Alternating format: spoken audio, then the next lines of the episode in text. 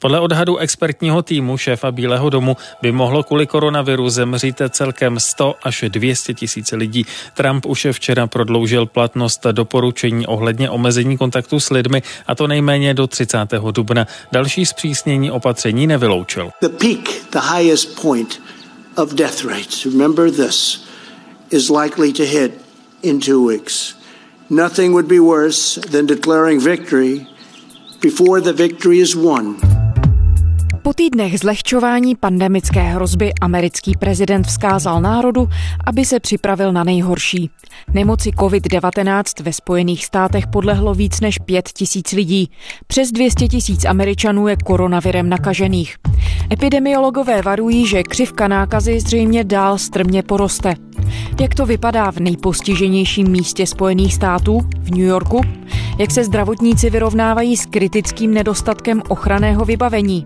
A věří lidé, že je prezident Trump dokáže z nejhorší zdravotnické krize v novodobé historii země vyvést? Je pátek 3. dubna, tady je Lenka Kabrhelová a Vinohradská 12, spravodajský podcast Českého rozhlasu. New York, a city no stranger to disaster, could be on the cusp of something it has never experienced before. 9 11 was nothing compared to this. We were open waiting for patients to come who never came. Okay? Now they just keep coming. Ano, pro Spojené státy je to epicentrum. Případů nákazy rychle přibývá a i sama vláda o New Yorku jako o epicentru té krize mluví. Miriam Elder je politická reportérka z pravodajského webu BuzzFeed, který sídlí v New Yorku. Člověku to vyvolává všechny možné pocity. New York je obrovské město, které je obvykle plné života, zvuků a ruchů. A teď nezvykle stichlo.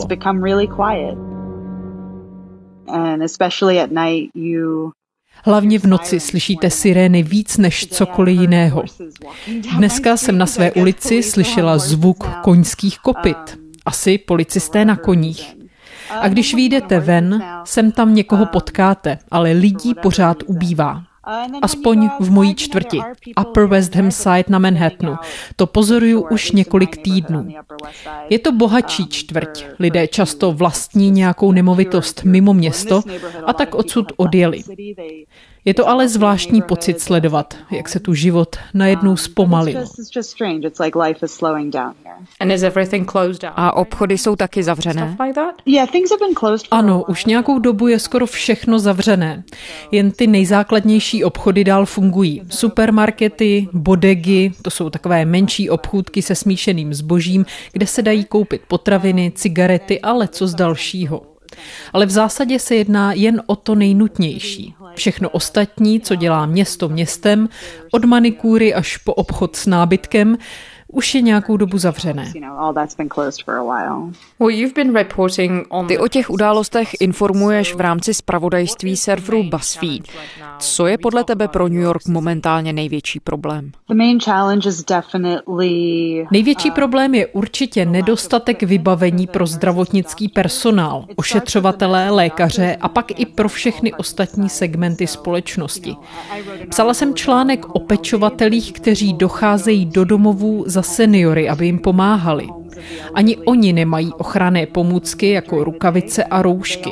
Takže ta největší story podle mě je, že zdravotníci nejsou dostatečně vybaveni gloves, the gowns, all that. Every single week we're going to need more of that. We're going to need the ventilators especially and that. The mayor here has said, Starosta New Yorku se nechal slyšet, že bez federální pomoci jim materiál dojde koncem týdne.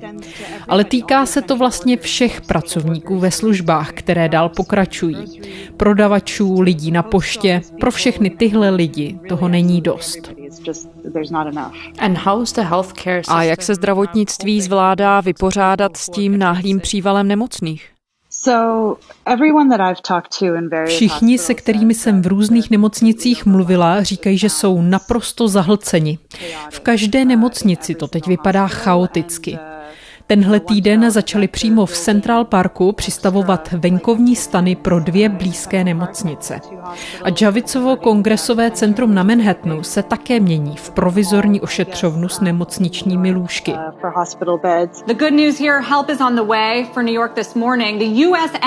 Comfort, which we've been monitoring, coming into New York Harbor, passing the Statue of Liberty, and with it extra supplies and extra beds. There was a the Navy Z Virginie připlula do New Yorku loď vojenského námořnictva, která má sloužit jako plovoucí nemocnice s příjmem urgentních pacientů, kteří nemají COVID-19. Pozorujeme tedy snahu o maximální zvýšení kapacity, protože už teď to vypadá opravdu zle. A to přitom ještě nejsme na vrcholu epidemie, který je očekáván někdy za týden až za 20 dní in I think anywhere from like 7 to 20 days. So the situation... Takže ta situace, jak ostatně úřady varují, ta se může ještě zhoršit. The expectation is ano, očekává se, že to bude ještě horší. Donald Trump teď dělá každý večer pravidelné briefingy o aktuální situaci a i když se zpravidla snaží ty věci podávat tak, aby v jejich světle vypadal co nejlépe, ten úterní briefing přinesl ohromující změnu, kdy i on začal mluvit o tom, že je třeba se připravit na nejhorší, že nás čekají velmi těžké dva týdny. A když takhle mluví někdo jako on, tak člověku dojde, jak opravdu zlé to je.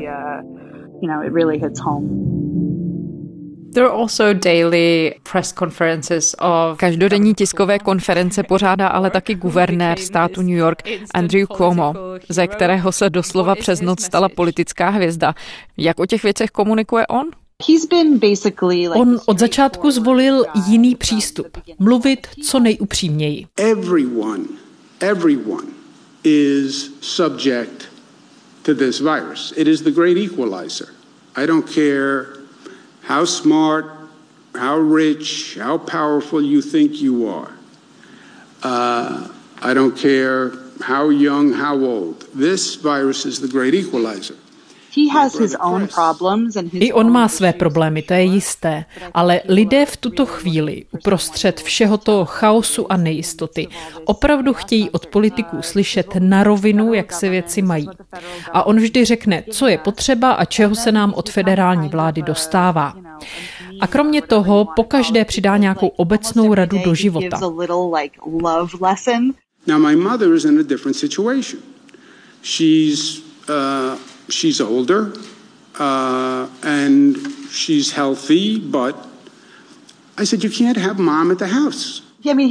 Mluví třeba o vážných věcech, jako je duševní zdraví a jak je důležité mít kolem sebe blízké a milovat svou rodinu. A pak udělá takovou mini přednášku o tom, co je to vlastně láska.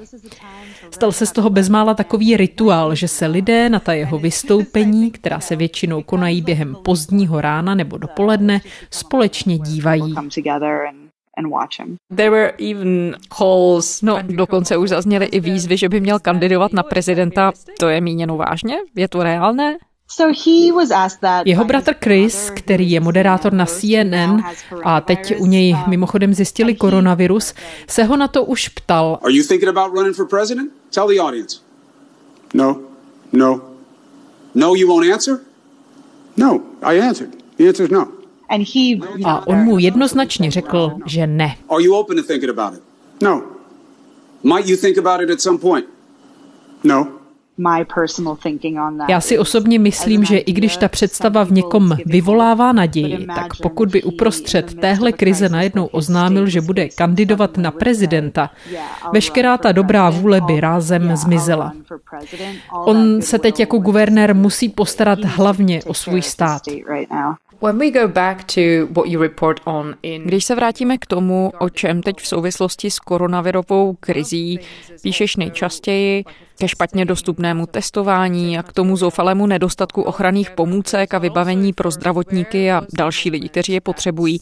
Kde se podle tebe stala chyba? Proč se všech těch věcí nedostává? Na to se dá odpovědět mnoha způsoby. Pokud jde o to testování, to pravděpodobně padá na vrub federální vládě. Máme tady prezidenta, který strávil celé týdny bagatelizováním problému. Now the virus that we're talking about having to do, you know, a lot of people think that goes away in April with the heat. Because of all we've done, the risk to the American people remains very low. People die from the flu, and this is very unusual. And it is a little bit different, but in some ways it's easier, and in some ways it's a little bit tougher. Uh, Navíc uvnitř střediska pro kontrolu a prevenci nemocí, tedy federálního úřadu, který to má v gesci, probíhal boj o to, jaké testy vlastně chtějí používat. To byla jedna poměrně zásadní otázka. A pokud jde o širokou veřejnost, tak i tam byla naprosto nepřehledná debata o tom, jak by se vlastně měla během epidemie chovat. Jestli by například měla nosit roušky nebo ne. Od začátku nám vládní úředníci i experti říkali, nenoste roušky, ničemu to nepomůže. Nejlepší, co můžete udělat, je nesahat si na obličej. Navíc se k tomu přidal ten nedostatek roušek pro zdravotníky, takže veřejnost vlastně byla nabádána k tomu, že i kdyby náhodou na roušku narazila, a ti raději věnuje nemocnicím. Jenže ta debata se teď posunula a začíná se klonit k tomu, že to vlastně asi je dobrá věc, ty roušky nosit. Takže od začátku je to tak neuvěřitelně matoucí, že určit přesný moment, kdy se to celé pokazilo, jednoduše nejde. Ještě pořád to jde špatným směrem. Here in New York City, coronavirus has largely taken over a lot of what we do on a daily basis. It's impacting our staff. We're seeing a lot of nurses getting sick, incredibly sick. We are seeing scores of healthcare workers in my own department, you know, get infected, and that's true everywhere. Everyone I talk to, every Každá zdravotní sestra nebo ošetřovatel, každý lékař, se kterým mluvím, mi říká, že jejich nemocnice v té složité situaci teprve hledá správnou cestu, kudy dál. A myslím, že úplně stejně to máme i my ostatní. Chybí jasné vedení a jednoznačné direktivy, částečně proto, že úřady také zatím spíš tápou. A jak těžké v tuhle chvíli vlastně je se ke zdravotníkům dostat? Ono v jednu chvíli přišla informace o tom, že měli v podstatě zákaz s médií mluvit. Nebylo to žádné centrální nařízení, žádný vládní zákaz nebo něco podobného, ale čím dál víc nemocnic se obrací na svůj personál s tím, ať si svá veřejná prohlášení nechají nejprve schválit oddělením pro vnější styky. A je tu i čím dál víc lékařů, kteří přišli o práci právě kvůli tomu, že otevřeně hovořili o něčem, k čemu neměli svolení. Ale obavy má opravdu každý ze zdravotníků, s nimiž jsem mluvila. A v celku pochopitelně. Jde o lidi, kteří potřebují cítit jistotu, že mohou svoji práci dělat bezpečně. Nejen kvůli ochraně svého zdraví, ale proto, aby se sami nestali vektorem dalšího šíření té nemoci. Concerns are also.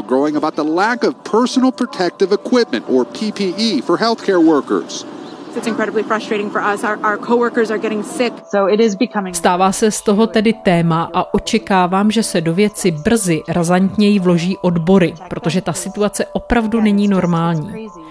Na jednu stranu jsou tady zpět do služby povolávání lékaři, co šli nedávno do penze. Studenti medicíny ve zrychleném řízení dokončují studia, aby se mohli připojit k boji proti COVID-19. A ve stejnou chvíli tu profesionální lékaři dostávají vyhazov za to, že moc mluvili. To prostě nedává smysl. really make a lot of sense. Does it make... A komplikuje to tvoji novinářskou práci? Je těžší informace schánět? Musím říct, že vlastně ne. Lidé se zoufale snaží sehnat pomůcky, které potřebují k výkonu práce. Je to otázka života a smrti. A pokud jim ochranný materiál není schopný zajistit jejich zaměstnavatel ani jejich místní vláda, Role médií nabývá na důležitosti. Lidé vědí, že musí dostat své poselství ven. Moje e-mailová schránka i Twitterový účet jsou zaplavené vzkazy lidí, kteří se snaží upozornit na to, co je trápí. Chtějí to dělat bezpečně a bez rizika, ale chtějí, aby se o jejich příbězích vědělo, protože jsou bezmocní a tohle je možná jediný způsob, jak se jim může dostat nějaké pomoci. I don't really care if I get in trouble for speaking to the media. I want people to know that this is bad. People are dying. We don't have the tools that we need in the emergency department and in the hospital to take care of them. And and it's really hard. And so, what do you hear from them? A co ti říkají? A teď já rozumím tomu, že je těžké cokoliv hodnotit, protože jsme uprostřed krize, spoustu těch věcí zatím nedovedeme reflektovat, ale obecně cítí lidé jistotu a věří, že vláda krizi zvládne, i přesto, že na začátku podle všeho zaspala? Pocit jistoty nezmiňoval nikdo z lidí, se kterými jsem během pár posledních týdnů mluvila. Tady v Americe máme zakořeněnou představu, že přece dokážeme zvládnout cokoliv. Popereme se s jakýmkoliv problémem, který se nám postaví do cesty. Teď tohle pojetí dostává trhliny. Jsme konfrontováni s holými fakty, máme je přímo před nosem. K výkonu své práce potřebujete roušku a dvě rukavice. Nemáte je a není kde je získat. Potřebujete ventilátory, které nedorazí včas. Jak lidé můžou mít důvěru v to, že se věci vyřeší, když nemůžou dělat svoji práci? When talking about Trump's Zmiňovali jsme reakci Trumpovy vlády. Před pár dny prezident v přístupu k pandemii úplně obrátil. Přijal od té doby nějaká nová opatření, která by tlak trochu uvolnila a povzbudila podniky k tomu, aby třeba přesměrovali výrobu a začali produkovat například ventilátory a tak dále. Hlavní zprávou je to, že prezident konečně aktivoval zákon o obrané výrobě, takzvaný Defense Protection Act, kterého se týdny dovolával. Celou dobu tvrdil, že ho použije, ale neudělal to.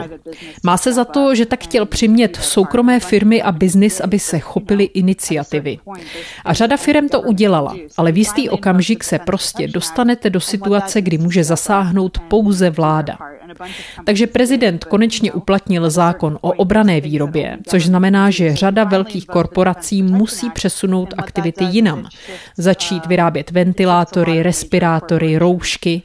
Musí se jim řídit společnosti jako například General Motors nebo jiné velké podniky. To byl důležitý krok. V tuhle chvíli můžeme asi s jistotou říct to, že tohle je největší krize, které Donald Trump jako prezident Spojených států čelí. Jak si v ní vede? Podle průzkumu jeho podpora trochu stoupla, ale není to nějaký ostrý nárůst. Když to porovnáte s čísly, a já teď před sebou nemám přesné cifry, tak když to porovnáte s čísly například prezidenta George Bushe mladšího po útocích na New York a Washington z 11. září 2001, tak tehdy jeho podpora raketově narostla. I když ho hodně lidí v době jeho zvolení nemuselo, stejně podpora prudce stoupla. V dobách krize je to normální, že se lidé za prezidenta postaví. Trumpova čísla také lehce stoupla. Podpora dosáhla skoro 50%. Ale podle mě to pořád v krizi takového rozsahu není nějak převratné. Lidé jsou tu prostě pořád jasně rozděleni, tak jako předtím. Trumpovi stoupenci mají za to, že si vede skvěle. Lidé kritičtí k prezidentovi, politici demokratické strany si to nemyslí. A v listopadu máme volby. Takže to bude pár pěkně dlouhých měsíců. A teď je asi brzy na to se bavit o tom, jak současná krize může dopadnout na jeho snahu o znovu zvolení. Přesně tak. Ve hře je tolik různých faktorů. A kolik lidí zemře, je jeden z nich. Jak to doopravdy bude vypadat, až se dostaneme do nejhorší fáze? A pak tu je samozřejmě ekonomická situace. V tuhle chvíli je naprosto katastrofická. Jak bude vypadat, až se přiblížíme listopadu? A nejde tu jen o velké podniky, týká se to malých a středních firm. Je to jako by někdo přes noc celou ekonomiku zastavil. To jsou všechno věci, o kterých teď vůbec netušíme, jak v listopadu budou vypadat a jak se projeví. Takže v tuhle chvíli je na hodnocení ještě brzy. A když ještě zůstaneme u voleb, jak to vlastně vypadá se stranickými primárkami, ze kterých má vzejít Trumpův vyzivatel na demokratické straně? V jaké fázi celý proces je? Um, no, v jaké fázi jsme? V některých státech primárky zrušili. Část se ale má stále konat během pár příštích týdnů, což se zdá jako šílený plán. Kvůli koronaviru ustoupili do pozadí i americké prezidentské primárky. Favorit na demokratickou nominaci do listopadových voleb Joe Biden vyzval úřady, aby zvážili, jak přizpůsobit hlasování pokračující pandemii.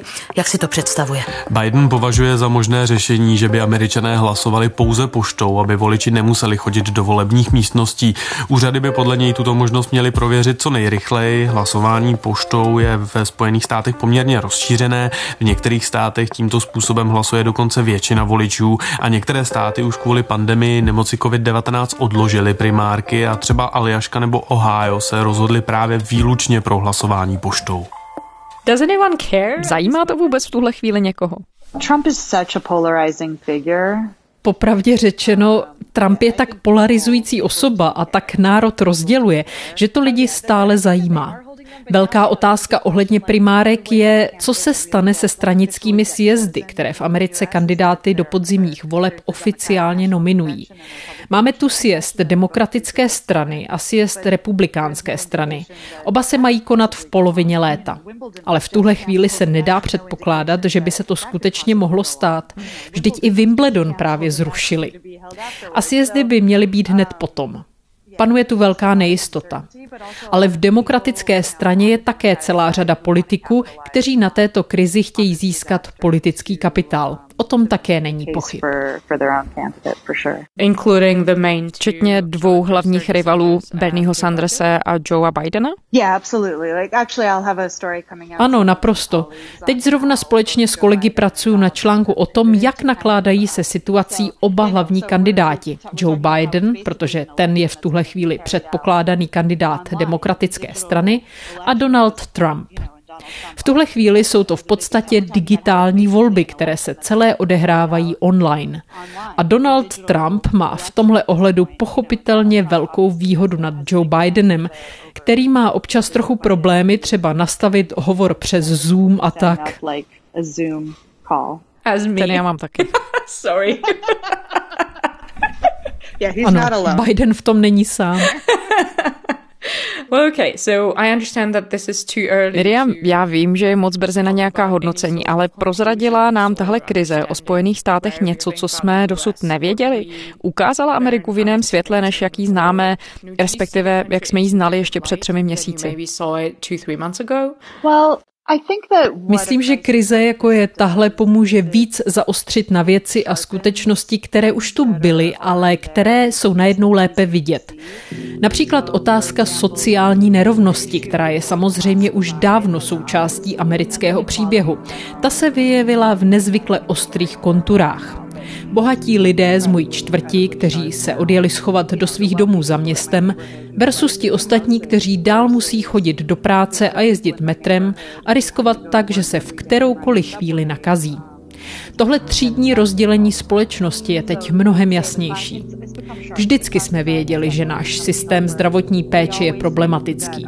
Kdo k němu má přístup a kdo ne, protože zdaleka ne všichni tu mají zdravotní pojištění. I tohle je teď mnohem víc vidět. Myslím, že na tyto otázky ještě dojde, až touhle krizí projdeme. Nevím, jestli máme čas se na ně soustředit teď, ale stojí před námi otázka, jak Spojené státy vidí sami sebe a jaká je jejich role ve světě.